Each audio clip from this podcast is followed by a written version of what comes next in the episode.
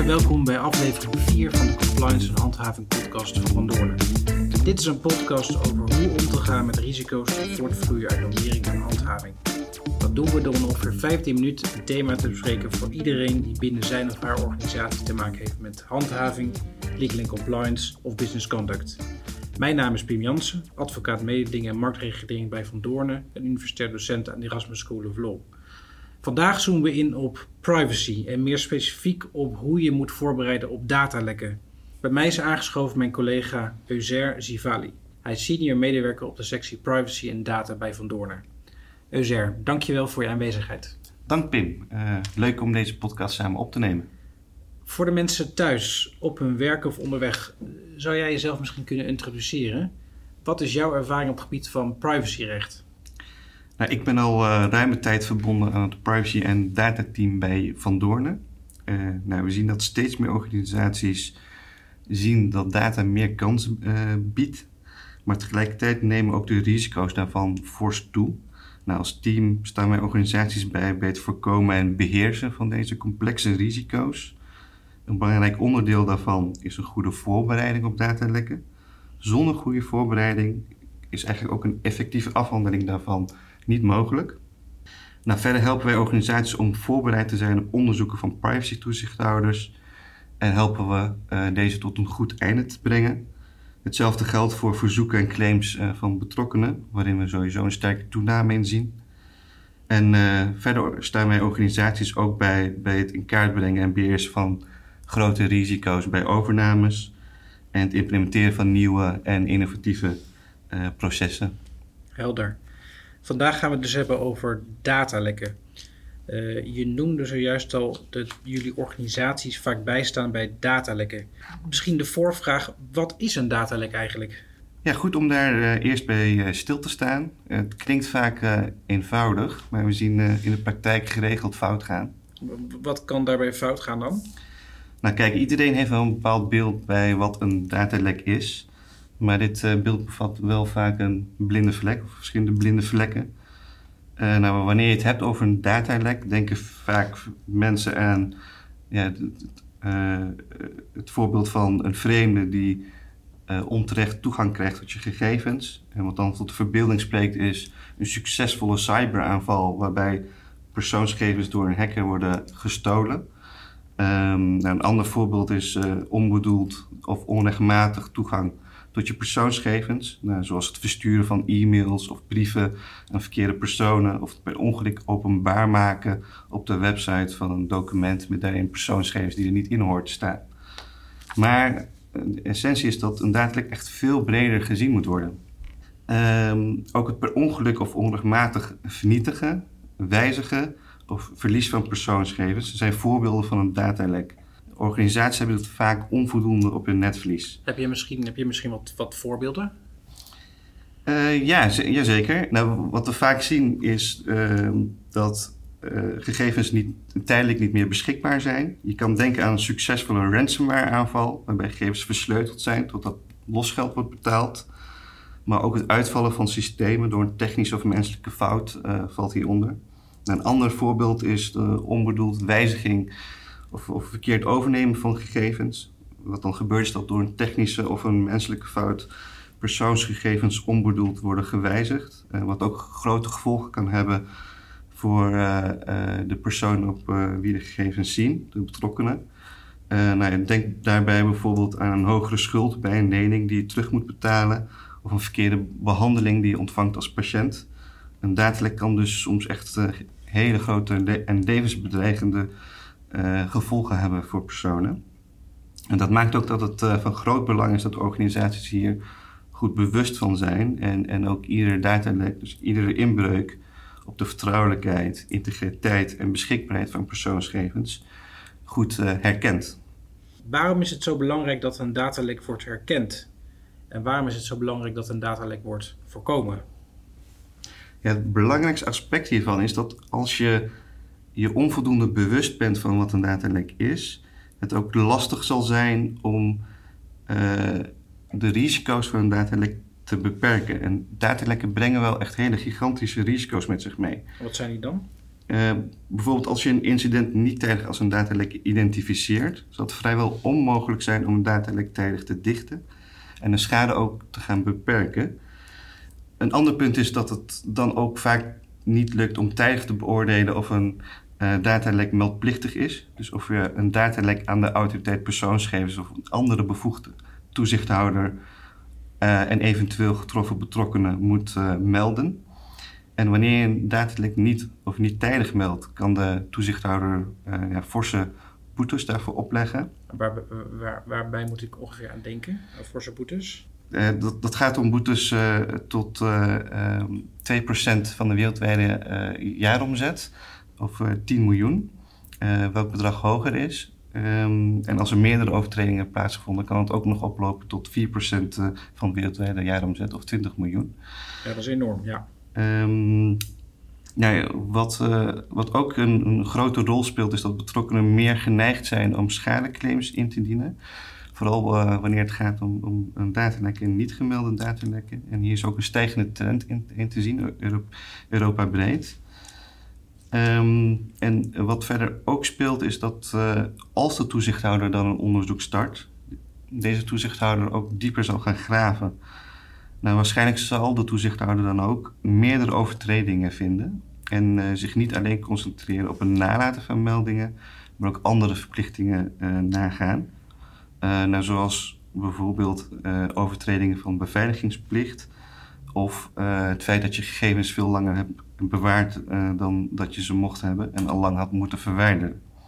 Het risico is dan dat het onderzoek van de toezichthouder steeds groter wordt en je aangesproken wordt voor meerdere overtredingen van de AVG, wat dan weer kan leiden tot een opeenstapeling van boetes van verschillende categorieën overtredingen. En dat, dat het risico op, op nog forsere boetes daarmee toeneemt. Een ander risico is dat de maatregelen om de gevolgen te mitigeren en herhaling te voorkomen niet tijdig zullen worden getroffen. dus ook voor de toekomst ben je dan niet goed afgedekt. De schade zal alleen maar toenemen in plaats van dat wordt begonnen met schadebeperking. Je kan het vergelijken met bijvoorbeeld een eerste begin van een kleine lekkage in het dak van je woning. En als je daar niet tijdig mee aan de slag gaat, uh, dan kan bij een stortbuis snel een, een, een, hele ravage volgen. En datzelfde geldt eigenlijk voor een sluimerend datalek. Um, als laatst, een, een, de kans op aanzienlijke reputatieschade neemt ook toe. want grote datalekken halen vrijwel altijd de publiciteit. Nou, dus kortom, het tijdig identificeren van datalekken is een cruciale stap in de risicobeheersing. En dit gaat helaas, dat, dat, zien we vaak fout bij organisaties, door slechte voorbereiding en een ontbrekend of slecht ingebed datalekbeleid. Dus uh, Ozer, als ik je goed begrijp, is het tijdig identificeren van datalekken dus een heel belangrijke stap in, in risicobeheersing wat ik me wel afvraag, zijn bedrijven zich hier voldoende van bewust? Nee, en, en organisaties doen er ook goed aan om zich uh, drie dingen te realiseren. Het eerste is dat een datalek dichterbij is dan je denkt. Uh, vaak denken organisaties dat het wel losloopt. Hun overkomt het niet. of ze denken vaak onterecht dat ze het beter doen dan anderen, die al wel in de publiciteit zijn gekomen met een datalek. Maar ondertussen is het meer de vraag wanneer zo'n grote datalek zullen hebben. Dus niet of het een overkomt. Uh, of er is zelfs al een datalek aan de gang, maar niemand heeft het als zodanig herkend. Uh, nou, dit wordt ook verder ondersteund door het aantal datalekken dat steeds maar blijft stijgen. Alleen al in Nederland hebben we de afgelopen maanden een paar omvangrijke datalekken gezien die publiek zijn geworden. Zoals de datalekken bij Marktplaats, bij Bol.com, bij het Centraal Orgaan voor Asielzoekers en recentelijk bij de Universiteit van Utrecht. Nou, in deze gevallen ging het meestal om menselijke of technische fouten um, die tot het daadelijk uh, hebben geleid, bij hunzelf of, of bij dienstverleners die ze hebben ingeschakeld. Nou, voorbeelden daarvan zijn um, gebruikers die ingelogd werden op profielen van anderen, het publiek zichtbaar maken van adressen. en het per abuis online zetten van een document met gegevens van asielzoekers. Um, nou, hierbovenop neemt het aantal cyberaanvallen ook toe, waaronder bijvoorbeeld ransomware. en, en wat betreft cijfers zagen we in 2019 al dat er 27.000 datalekken gemeld zijn bij de autoriteit persoonsgegevens, waarvan de autoriteit persoonsgegevens ongeveer 32% heeft onderzocht en ongeveer in 4,5% van de gevallen daadwerkelijk actie heeft ondernomen. Ja, het werkelijke aantal datalekken is natuurlijk nog veel groter. Uh, niet elk datalek hoeft namelijk aan de autoriteit persoonsgegevens gemeld te worden.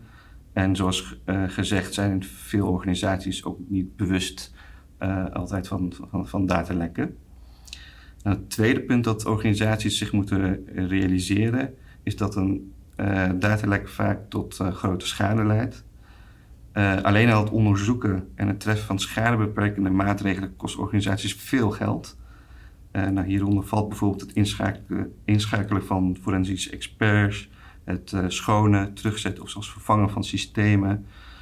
Um, en tel hierbij op dat als je het niet goed aanpakt en je wel iets kan worden verweten, je ook risico loopt op uh, significante boetes of claims van betrokkenen en andere partijen. En een derde en laatste punt is dat, je, dat een goede voorbereiding echt heel cruciaal is. Dit kan niet te weinig benadrukt worden. Um, om de schade van die onvermijdelijke datalek te voorkomen, moet je voorbereid zijn met een ingebed datalekbeleid. Uh, zonder die voorbereiding kan een datalek ook niet effectief worden afgehandeld. Je wilt niet pas als het zover is moeten uitvogelen hoe je een datalek moet onderzoeken, welke vragen daarvoor van belang zijn, wie verantwoordelijk is voor uh, het onderzoek, uh, wanneer er gemeld moet worden aan die toezichthouder, uh, wie bevoegd zijn om cruciale beslissingen te nemen over de afhandeling van het datalek, zoals het versturen van brieven, het inschakelen van partijen, en meldingen die moeten worden ingediend. En wanneer hier dus niet van tevoren goed over is nagedacht en niet mee is geoefend, zodat iedereen ook weet wat uh, van hen wordt uh, verwacht, zien wij helaas in de praktijk vaak dat cruciale tijd wordt verloren. En dat is des te erger omdat de eerste 72 uur na ontdekking van datalek heel belangrijk is en, en ook gehandeld moet worden. En dat is zo of het nu door de week is, weekend of een feestdag. Wanneer hier niet van tevoren goed over is nagedacht en er niet mee is geoefend, zodat iedereen weet wat van hen wordt verwacht, zien wij helaas maar al te vaak dat cruciale tijd wordt verloren. Uh, omdat binnen de eerste 72 uur een ontdekking van datalek gehandeld moet worden. En dit is zo of het nu door de week is, in het weekend is of een feestdag is. Helder.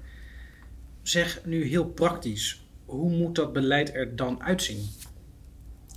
Nou, het moet een specifiek, actiegericht en geschreven beleid zijn. En er moeten verschillende stappen en punten in detail en uitgewerkt zijn. Um, hiervan wil ik een aantal punten aanstippen. Nou, een belangrijk punt is dat er een communicatieplan is waarin verschillende scenario's voor een datalek zijn uitgewerkt, zodat je ook je reputatieschade tijdig kan uh, uh, beperken. Uh, er moet ook een stappenplan zijn om te beoordelen of er sprake is van een, um, een meldplichtig datalek. En als het een meldplichtig datalek is, dat het duidelijk is aan welke toezichthouder en een, en betrokkenen het gemeld moet worden. Het is toch wel een, een belangrijk stuk dat vaak wordt vergeten. Uh, organisaties die bijvoorbeeld actief zijn in meerdere uh, eh, EU-landen hebben vaak te maken met een lappendeken aan uh, toezichthouders. Um, er bestaat wel een mogelijkheid om voor grensoverschrijdende datalekken alleen een melding te doen bij één toezichthouder, de leidende toezichthouder. Maar in de praktijk is het vaak zo dat organisaties hier slecht op zijn voorbereid um, en er uh, geen beroep op kunnen doen. Daardoor wordt onnodig tijd verlo verloren en lopen de kosten sterk op. Uh, het is ook goed om templates te hebben van uh, communicatie richting betrokkenen bij een datalek, toegespitst op verschillende scenario's. Zodat daar zo min mogelijk tijd aan kwijt gaat bij het opstellen van, van brieven.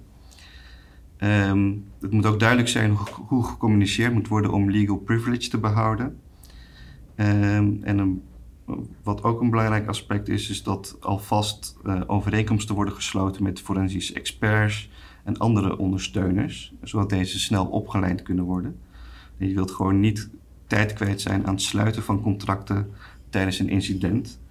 En ook wil je niet onder tijdsdruk uh, akkoord moeten gaan met ongunstige voorwaarden.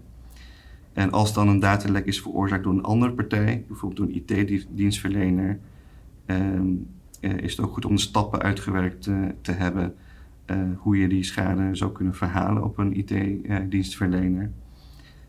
Um, en wat we vaak ook zien in de praktijk is dat bij een, een datalek door een menselijke of technische fout gegevens bij een andere partij terechtkomen of zelfs uh, publiek doorzoekbaar worden door zoekmachines zoals Google.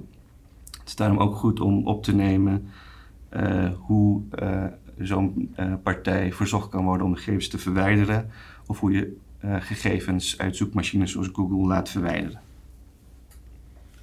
Mooi, dankjewel. Tot slot heb je nog een laatste tip voor organisaties. Wat, wat zouden ze in ieder geval moeten doen? Ja, het lijkt wellicht een open deur, um, maar het opstellen van een datalekbeleid alleen is eigenlijk onvoldoende. Uh, organisaties moeten hier ook echt op getraind zijn. En dat begint al bij de bewustwording.